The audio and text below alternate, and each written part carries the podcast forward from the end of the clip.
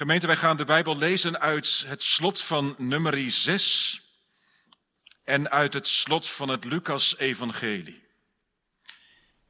Nummer 6, de versen 22 tot en met 27 en Lucas 24, vers 50 en 51.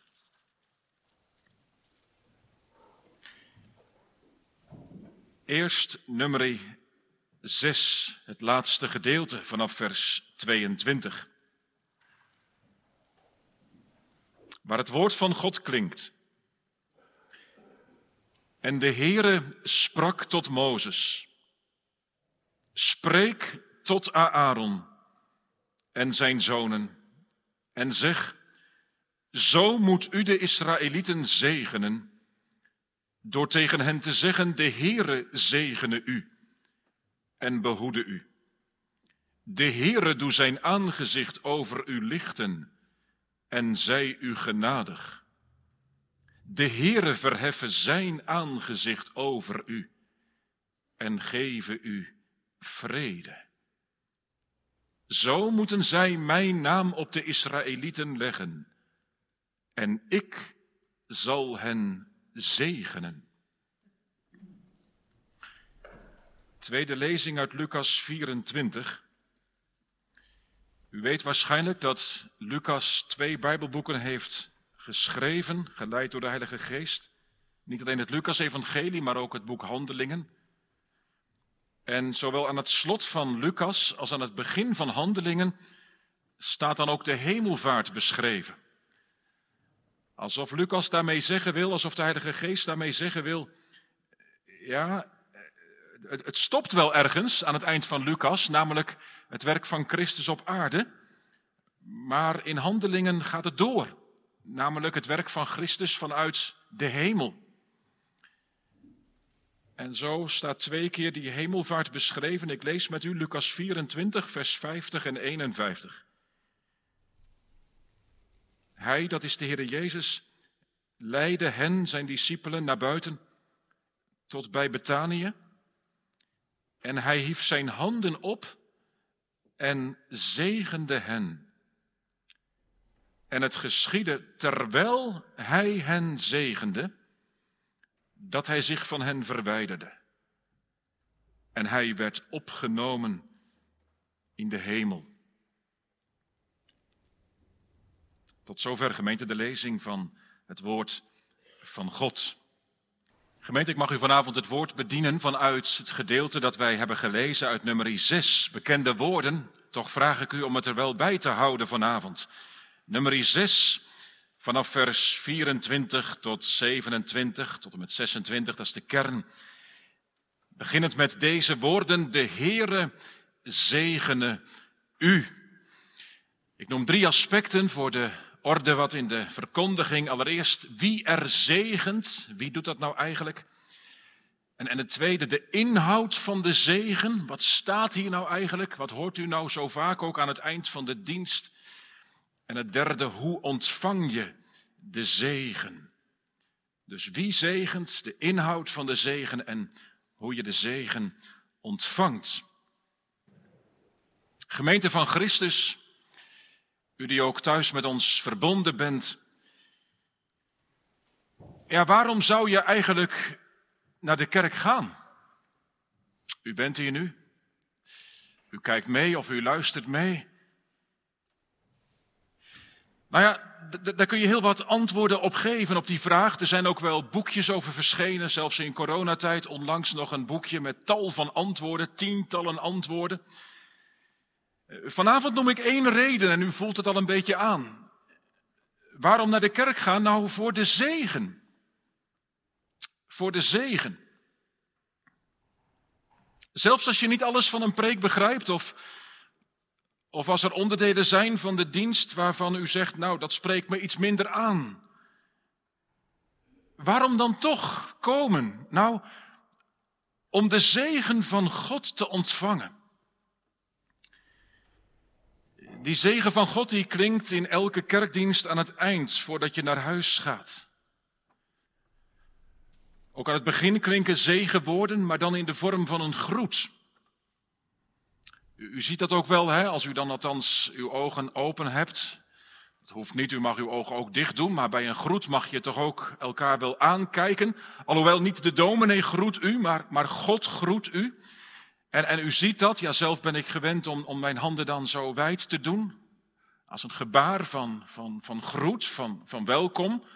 Eh, andere dominees, misschien dat u dat meer gewend bent, die doen één hand zo of, of twee handen zo. Dat is aan het begin van de dienst een, een, een zegengroet. Genade voor u en vrede. Maar aan het eind van de dienst ontvang je de zegen, dan word je gezegend. Eh, vaak ziet u de predikant, als u dan al even zou kijken, al hebt u waarschijnlijk meestal uw ogen dicht op dat moment, maar, maar dan zijn de handen zo, hè, zegenend. En, en, en soms klinken dan de nieuwtestamentische woorden uit 2 Korinthe 13, vers 13. Genade van de Heer Jezus Christus, de liefde van God, de gemeenschap van de Heilige Geest met u. Maar, maar ook de woorden hier van onze tekst vanavond. De oud-testamentische priesterzegen. De priesterlijke zegen, zo wordt hij wel genoemd. En dat heeft ermee te maken dat deze zegenwoorden door de priester moesten worden uitgesproken. Dat staat ook heel nadrukkelijk, kijkt u maar. Als er staat in vers 23, eerst in vers 22, de Heere sprak tot Mozes. En dan Mozes, spreek tegen Aaron en tegen zijn zonen en zeg, zo moet u de Israëlieten zegenen. En dan volgt de inhoud van die zegen. En Aaron en zijn zonen, dat waren, dat weet u ongetwijfeld, de priesters. Dus een priesterlijke zegen.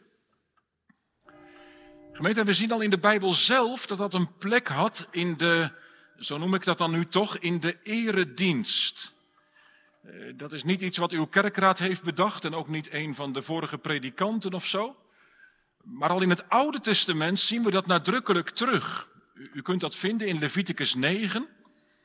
Daar staat dat Aaron eerst het offer bracht.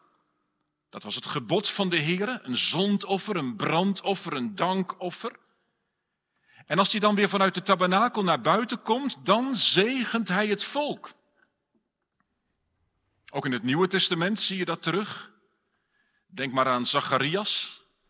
Weet u wel, de vader van Johannes de Doper. Die, ja, die een engel op bezoek kreeg toen hij in de tempel was. Die engel die hem vertelde dat hij een zoon zou krijgen en Zacharias geloofde dat niet. En toen werd hij gestraft, hij kon niet meer spreken. Maar dat was hij blijkbaar weer vergeten, want hij komt buiten en hij doet zijn handen zo wijd om het volk te zegenen. En dan komt er geen, geen woord uit zijn mond. Maar u ziet ook daar dus die zegen aan het eind van de offerdienst.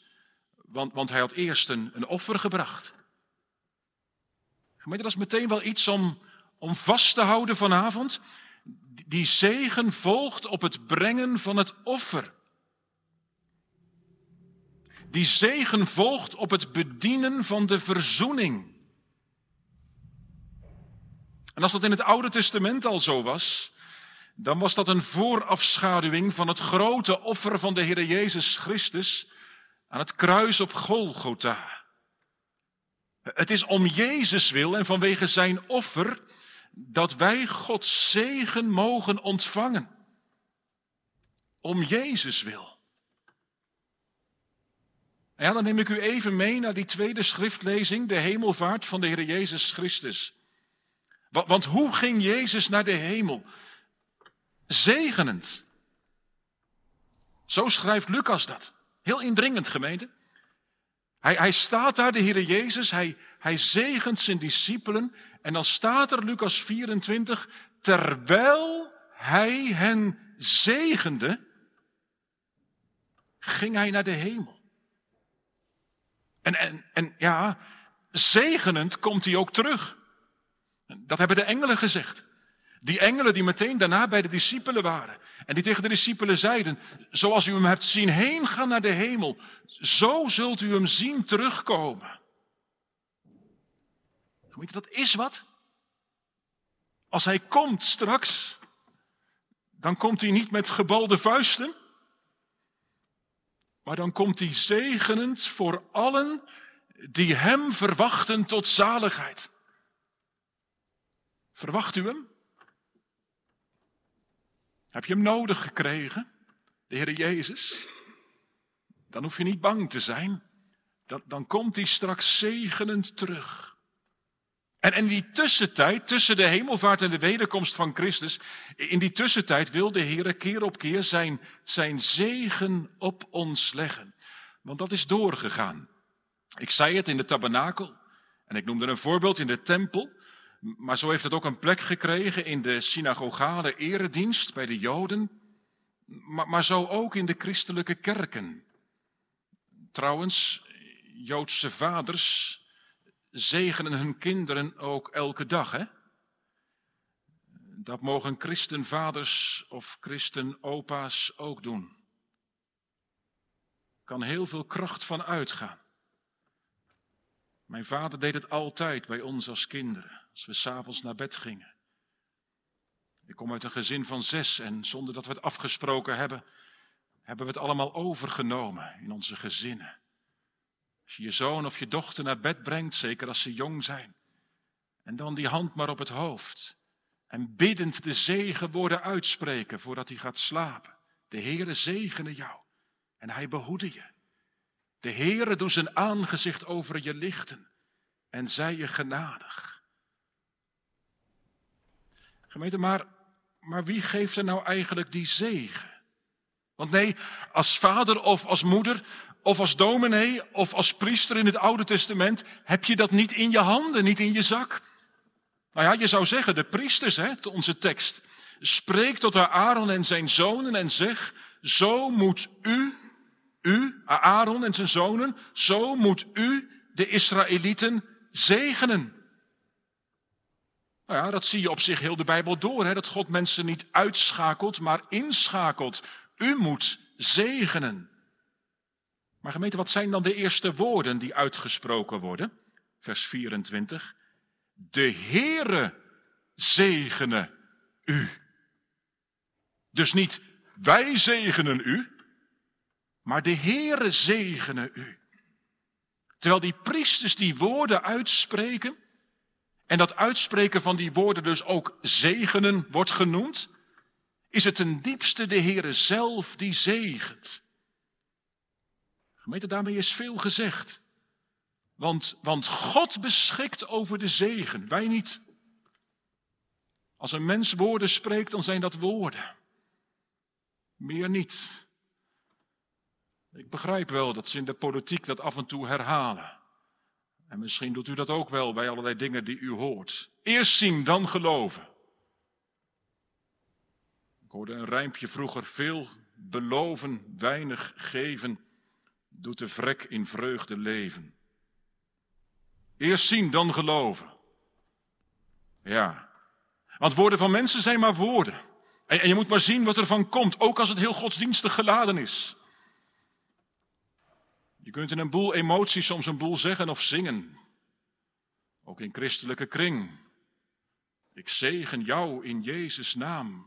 Ik zeg niet dat het fout is hoor. Daar valt wel iets moois van te zeggen. Maar het kan ook te oppervlakkig worden, hè? alsof wij daarover beschikken, alsof ik zomaar jou die zegen geven kan. Als dominee of als vriend of vriendin. Wie, wie zegent er? Want, want als God woorden spreekt, gemeente, dat is toch wel anders dan als wij woorden spreken. Als God woorden spreekt, Gods woord is daad. Denkt u aan de schepping. Hij sprak en het was er. Hij gebiedt en het staat er. Jezus zei, de woorden die ik tot u spreek, zijn geest en zijn leven. Kortom, wie zegent er? Als het erop aankomt, niet wij, niet wij. Ook niet die priesters, al worden ze wel ingeschakeld. Nee, de Heere zegent. Hij, hij beschikt over de zegen. Wij niet. Hij bewerkt wat in die zegenwoorden zit, wij niet. En aan Gods zegen, gemeente, is alles gelegen. Dat besef proef je bij gelovigen in de Bijbel. Herkent u dat ook? Nee, nou Jacob en Esau, met alles wat Jacob uit de kast haalt om die eerstgeboortezegen te krijgen. Het klopte allemaal niet wat hij deed. Maar één ding is wel duidelijk, hij, hij wist wel waarom hij die zegen nodig had. En, en later in een andere situatie bij Pniel, als, als Jacob worstelt met een engel, met een hoofdletter, met God, dat, dan zien we dat Jacob niet zonder de zegen van de Heer verder kan. Hij zegt, ik laat u niet gaan, tenzij u mij zegent. Maar dat is toch niet alleen iets voor de tijd van de Bijbel? Dat is toch ook voor vandaag de dag? Het is om die reden dat elke zondag die zegen klinkt in de kerk, s morgens, s avonds. Daarom kom je naar de kerk, om door God gezegend te worden voor de nieuwe week die komt. Daarom kom je op je trouwdag naar de kerk. Niet om een vroom sausje te geven aan die dag, maar omdat je je trouwbelofte alleen maar kunt houden wanneer God er is. Als Hij meegaat, als Hij de eerste is in mijn huwelijk. Daarom klinken er zegenwoorden bij het beleidenis doen, bij de bevestiging in het ambt, bij de doop van kinderen, omdat je de Heere onmisbaar nodig hebt. Niet een paar mooie woorden om er een sausje aan te geven, zei ik, maar, maar de Heere heb ik nodig. En nogmaals, gemeente, die zegen van God, die heeft kracht. Niet omdat die woorden een soort magische lading hebben, maar wel omdat er verzoening is aangebracht. Ik zei het net, hè, die priesters brachten eerst een offer en daarna zegende ze het volk. En Jezus bracht het offer van zijn leven. Wat een machtige beleidenis, gemeente. Hij stierf van het kruis van Golgotha. Hij bracht verzoening aan. En toen ging hij zegenend naar de hemel. En zo ook in de kerk, jazeker, wat dacht u? Als de verzoening wordt bediend tijdens de verkondiging van het evangelie. En aan het eind wordt u gezegend weggezonden. En gemeente dat het God is die zegent, dat, dat proef je ook nog in vers 27. Daar moet ik u ook meteen op wijzen. Vers 27, daar zegt de Heere, zo moeten zij mijn naam op de Israëlieten leggen. En ik, met grote nadruk, ik zal hen zegenen. Ze moeten mijn naam op de Israëlieten leggen, zo staat er. Mijn naam, dat is de naam Yahweh. De ik zal zijn die ik zijn zal. De ik ben die ik ben, de getrouwe. Dat is wat er gebeurt in de zegen. Dan verbindt God zijn naam aan ieder die die zegen in het geloof ontvangt. Verbinding. Hij maakt tot zijn eigendom. Dat is wat God doet. Gemeente, nogmaals, nooit kunnen wij beschikken over de zegen. Juist de zegen laat ons zien dat wij helemaal afhankelijk zijn van God. Maar juist die zegen laat ons ook zien hoe werkelijk het is dat de Heere zegenend nabij komt. En dat brengt me bij de inhoud van de zegen. Laat ik het nog een keer lezen met u, vers 24 tot 26. De Heere zegene u en behoede u. De Heere doe zijn aangezicht over u lichten en zij u genadig. De Heere verheffen zijn aangezicht over u en geven u vrede. De Heere zegene u. En gemeente, ik moet u iets zeggen over de structuur van deze versen. Ik vraag echt even dat u meedenkt vanuit uw Bijbel hoor. De structuur van deze teksten voordat we naar de inhoud gaan. Want eigenlijk is het een heel kunstig gedicht. Dat ziet u in uw vertaling zo nauwelijks terug. Maar in het Hebreeuws is dat wel zo. Drie dingen moet u daarover weten. Allereerst dat het woordje zegenen aan het begin ja eigenlijk een soort titel is. Dus er staat de Heere zegene u en dan wordt daarna uitgewerkt wat die zegen betekent. Dus dat woordje zegenen in vers 24, dat wordt daarna ingekleurd. En het tweede is, en dat kunt u wel zien in, in uw, uw Bijbel, dat, dat elk stukje, drie zinnetjes, vers 24, 25, 26, dat elk zinnetje bestaat uit twee delen. En nou is het zo in Hebreeuwse gedichten dat het tweede deel steeds hetzelfde wil zeggen als het eerste deel, maar dan met andere woorden. Dus je ziet in vers 24, om maar even te noemen, daar staat de Heere zegene u. En dan het tweede, en behoede u. En dat is eigenlijk uitleg van het eerste. En in vers 25, de Heere doet zijn aangezicht over u lichten. Wat is dat dan? Nou, hij zij u genadig. En het derde, de Heere verheffen zijn aangezicht over u. En wat is dat dan? Hij geven u vrede. Dus dat tweede stukje legt het eerste stukje uit. En dan nog een derde iets gemeend als het gaat om de structuur. En dat zie je weer niet in uw vertaling terug. Maar in het Hebreeuws bestaat het eerste zinnetje uit drie woorden, vers 24. En het tweede zinnetje uit vijf woorden, vers 25. En het derde zinnetje, vers 26, uit zeven woorden. Sterker nog, het eerste zinnetje uit 15 letters, het tweede zinnetje uit 20 letters en het derde zinnetje uit 25 letters. Dus je ziet het als het ware steeds meer verbreden. Kunt u het zich voorstellen? 3, 5, 7, 15, 20, 25. En daar zit betekenis in. Ik kom daar zo nog op terug. Maar nu eerst de inhoud. Dat woordje zegenen, dat betekent dus behoeden. Behoeden. Hij behoede u. Anders gezegd, bewaken, beschermen. Het gaat in dit woord gemeente om de verantwoordelijkheid die iemand neemt voor een ander. Het wordt ook in Genesis 2 gebruikt. Dat moet sommigen van u aanspreken. Als je geroepen wordt als mens, wij allemaal trouwens, om de aarde te bebouwen en te bewaren, te behoeden. God heeft de mens verantwoordelijkheid gegeven voor de aarde, voor de schepping. Dat woord staat hier. En nu staat er, de Heere behoede u. Dus de Heere neemt verantwoordelijkheid voor u. Neemt u voor zijn rekening. Gemeente, dat is wat. Bij alles wat wankel is in uw leven. En ik ken u verder niet. Maar wat kan er veel stormen in je leven? Wat kan er veel wankel zijn waar je niet doorheen ziet? Bij alles wat wankel is in je leven, als het gaat om je leven hier op aarde. Maar ook als het gaat op de dag dat je sterven moet. Hoe zal het dan zijn? En dan komt de Heer naar u toe, elke dienst, en hij zegt, ik neem je voor mijn rekening. De Heere behoede u. En weet je wat opvalt als je de psalmen leest? Dat dit woord dan heel vaak als een gebed terugkomt. Heere, behoed mij. Heere, bewaar mij. Bijvoorbeeld Psalm 17. Bewaar mij als de appel van het oog.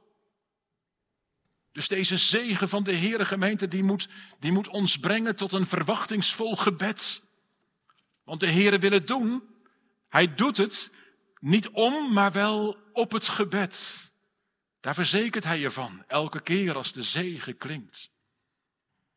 En dan het tweede zinnetje, vers 25. De Heere doet zijn aangezicht over u lichten. Licht. Ah, dat is iets dat van God komt. Ook deze uitdrukking kom je veelvuldig tegen in de psalmen. Psalm 4. Verhef over ons het licht van uw gezicht. Gemeente, hier staat in deze zegenwoorden dat God het doen wil. En dat hij het doet op het gebed. Als God bij je is, dan betekent dat licht. Als God zijn aangezicht doet lichten, zoals het in de Bijbel heet, dan is dat Gods vriendelijk aangezicht. We hebben het net gezongen samen, Psalm 97. Gods genadige toewijding. Ja, het tegenovergestelde van Gods lichtende gezicht is dat hij zijn aangezicht verbergt. Dat lees je ook in de Bijbel. God kan zijn aangezicht verbergen. Soms vanwege zonde die wij aan de hand houden. Daar moet je jezelf op onderzoeken. Is er iets wat ik aan de hand hou in mijn leven waardoor God ja, zijn gezicht verbergt? Maar het kan ook zijn dat de Heer dat doet, niet vanwege bepaalde zonde, maar om ons iets te leren in dit leven. Om ons heel afhankelijk te doen zijn. En gemeente, juist dan heb je zoveel reden om elke keer weer in de kerk te komen. Want dan verzekert de Heer je ervan in die zegenwoorden. Dat Hij zijn vriendelijk aangezicht over je wil doen lichten. Heb je geen reden om daar blij van te worden elke zondag? Als het je om Hem te doen is. dat zijn vriendelijk aangezicht er is. Psalm 16 zegt dat, kent u die woorden?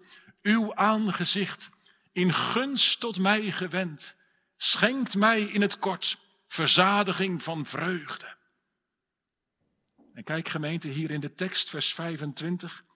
Daar wordt het tweede stukje dan gebruikt als uitleggen. En zij u genadig. Dus als dat licht van God over je leven schijnt. En als je ziet hoeveel zondigheid er zit. Ja, dat ook hè. Als er licht schijnt in mijn leven. Dan komt de rottigheid vaak ook naar boven hè. Als de zon naar binnen schijnt, dan zie je opeens waar de vuile plekken zitten. Als Gods licht in mijn leven schijnt, dan zie ik vaak ook de zondigheid. Maar dan staat er meteen bij, dat is genadig zijn. Daar klinkt meteen dat woord genade. Gods gunst, God on, Gods onverdiende goedheid. Als u er misschien mee worstelt vanavond, of God u wel genadig is. Een oude man zei het tegen me gisteren, 92. Ja, ze zeggen dan wel, ach, Jezus is toch gestorven. Maar het moet er maar op aankomen, zei hij. Misschien herkent u dat. Het moet er maar op aankomen, je ligt voor de dood. En dan komt u vanavond in de kerk en dan zegt de Heer dat Hij zijn vriendelijk aangezicht over u doet lichten en dat Hij u genadig wil zijn. Zegt u dan Amen, Heer. Doe het, Heer. Vervul uw woord, Heer. Geweten wat een machtig woord om bij te leven. Als God zijn vriendelijk gezicht op je richt, dan betekent het dat hij licht geeft op je levensweg. Dat hij de weg wijst. Dat hij reddend nabij is. Het betekent niet, hoor dat goed, dat je leven op rolletjes loopt. Het betekent niet dat het allemaal goed gaat voor het oog. Juist gelovigen kunnen ermee worstelen, enorm. Ook dat gebeurt in de psalmen. Zou God zijn genade vergeten? Wees mij genadig, o God. Maar wat mag je dan tot je troost vanavond dit zegenwoord ontvangen? Nee, je voelt het niet altijd. Misschien moet ik zeggen, je voelt het meestal niet. Maar ook als je het niet voelt, komt God zegenend nabij.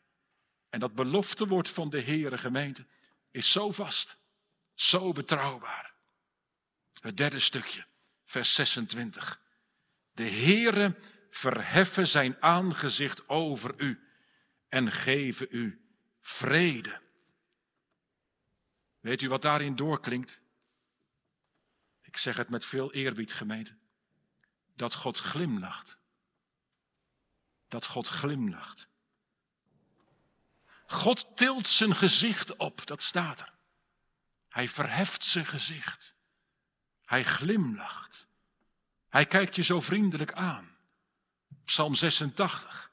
De Heere is goed en vriendelijk en weldadig, langmoedig, mild, zachtmoedig en genadig. De Heere verheffen zijn aangezicht over u. Dat betekent dat God liefdevol omziet naar hen die hij zegent. God kijkt met bijzondere aandacht. Je bent er niet één van de velen. Hij ziet je heel persoonlijk. Gemeente, zoals Jezus dat deed. Toen hij die kinderen zegende. U kent die geschiedenis toch? Dat die moeders, vaders, opa's, oma's, buren met kinderen bij Jezus kwamen. En dan hebt u waarschijnlijk, net zoals ik, dat plaatje in uw hoofd van de kinderbijbel. Waar Jezus dan, net zoals een dominee, zeg ik dan maar even, zo zegenend boven die kinderen staat. Maar als je dat gaat onderzoeken, dan staat het er anders. Dan staat er dat Jezus één voor één die kinderen de handen oplegt en zegent. Hij, hij scheert ze niet over één kam en dat u vanavond ook niet hier in de kerk. Hij weet precies wat u nodig hebt en wat jij nodig hebt. En zo komt de Heer naar je toe. De Heer verheft zijn aangezicht over u. Hij ziet je vol ontferming, glimlachend. Hoe staat het er? Vredegevend. God is een God van vrede. En vrede is in de Bijbel veel meer dan afwezigheid van oorlog. Vrede is shalom, vrede is heelheid, volkomenheid. Dat is wat de Heer bewerkt. Gemeente, dat brengt me weer helemaal bij de Heer Jezus. U voelt dat aan, toch? Want, want die zegen die moesten de priesters geven nadat ze het offer hadden gebracht. En in de kerk klinkt de zegen van God. Nadat de verzoening is bediend. Het evangelie is uitgedeeld. Het is allemaal door de Heer Jezus. Daarom kan Paulus ergens zingen, dat woordje vrede. Paulus zegt dan, wij dan, gerechtvaardigd uit het geloof, hebben vrede met God door onze Heere, Jezus Christus. Dus wat krijg je in de zegen? Je krijgt in één woord vrede. Dat is niet hetzelfde als een vredig gevoel hoor.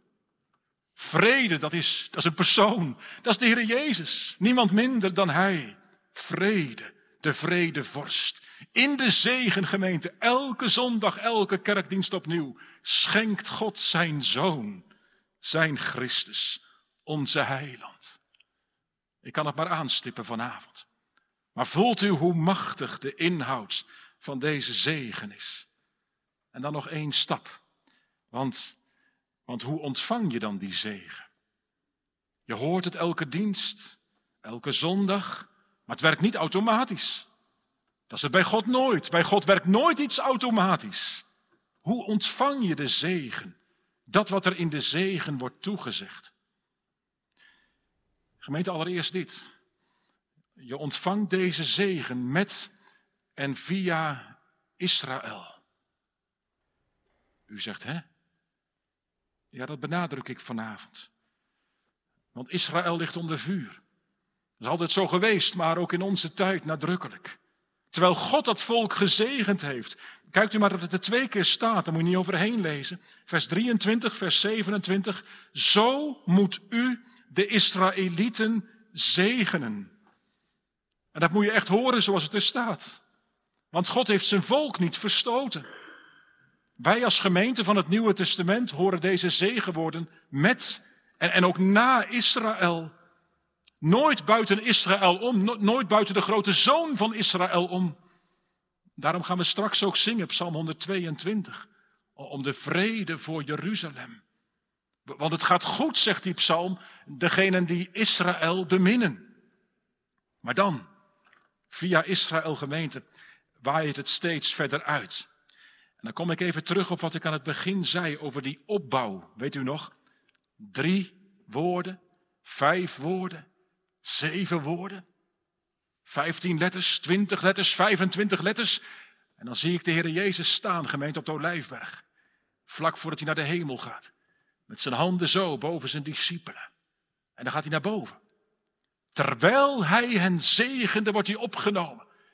En als je dat ziet gebeuren, gemeente, voor je ogen, dan gaat hij hoger en hoger. En hoe hoger de Heer Jezus komt, hoe, hoe groter het bereik van die armen. Voelt u dat mee? Dat is wat er gebeurt als Jezus naar de hemel gaat.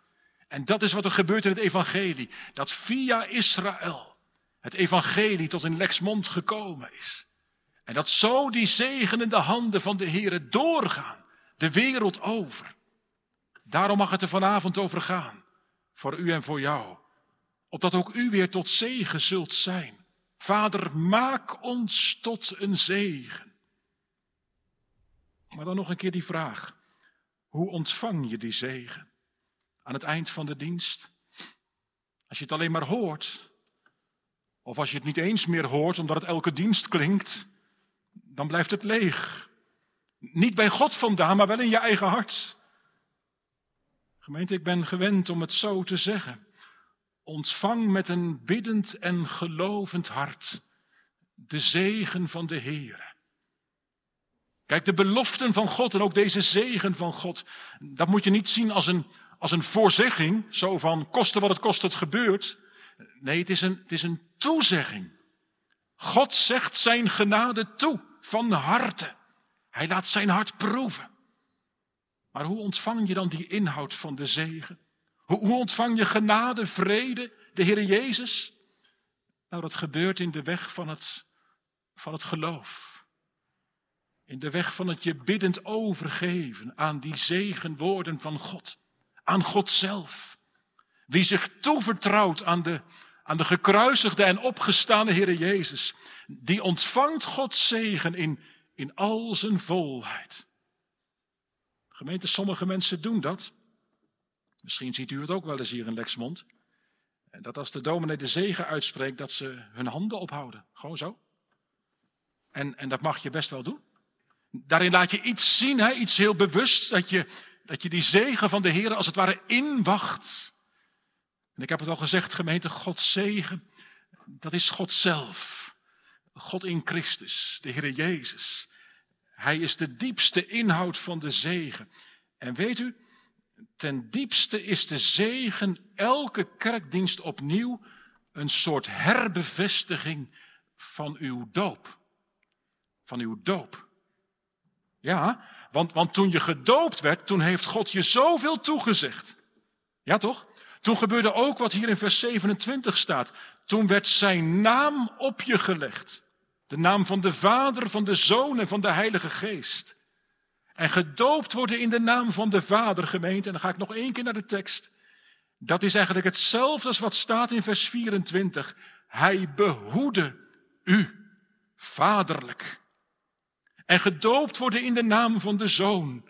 Dat is niet anders dan wat staat in vers 25. Hij is u genadig. En gedoopt worden in de naam van de Heilige Geest. Dat is niet anders dan wat staat in vers 26. Hij geeft u vrede. Vrede. Kijk, zo bevestigt de Heer wat hij in de doop al heeft toegezegd. Elke keer als de zegen klinkt. Kom, hebt u zo de stem van God in uw leven gehoord.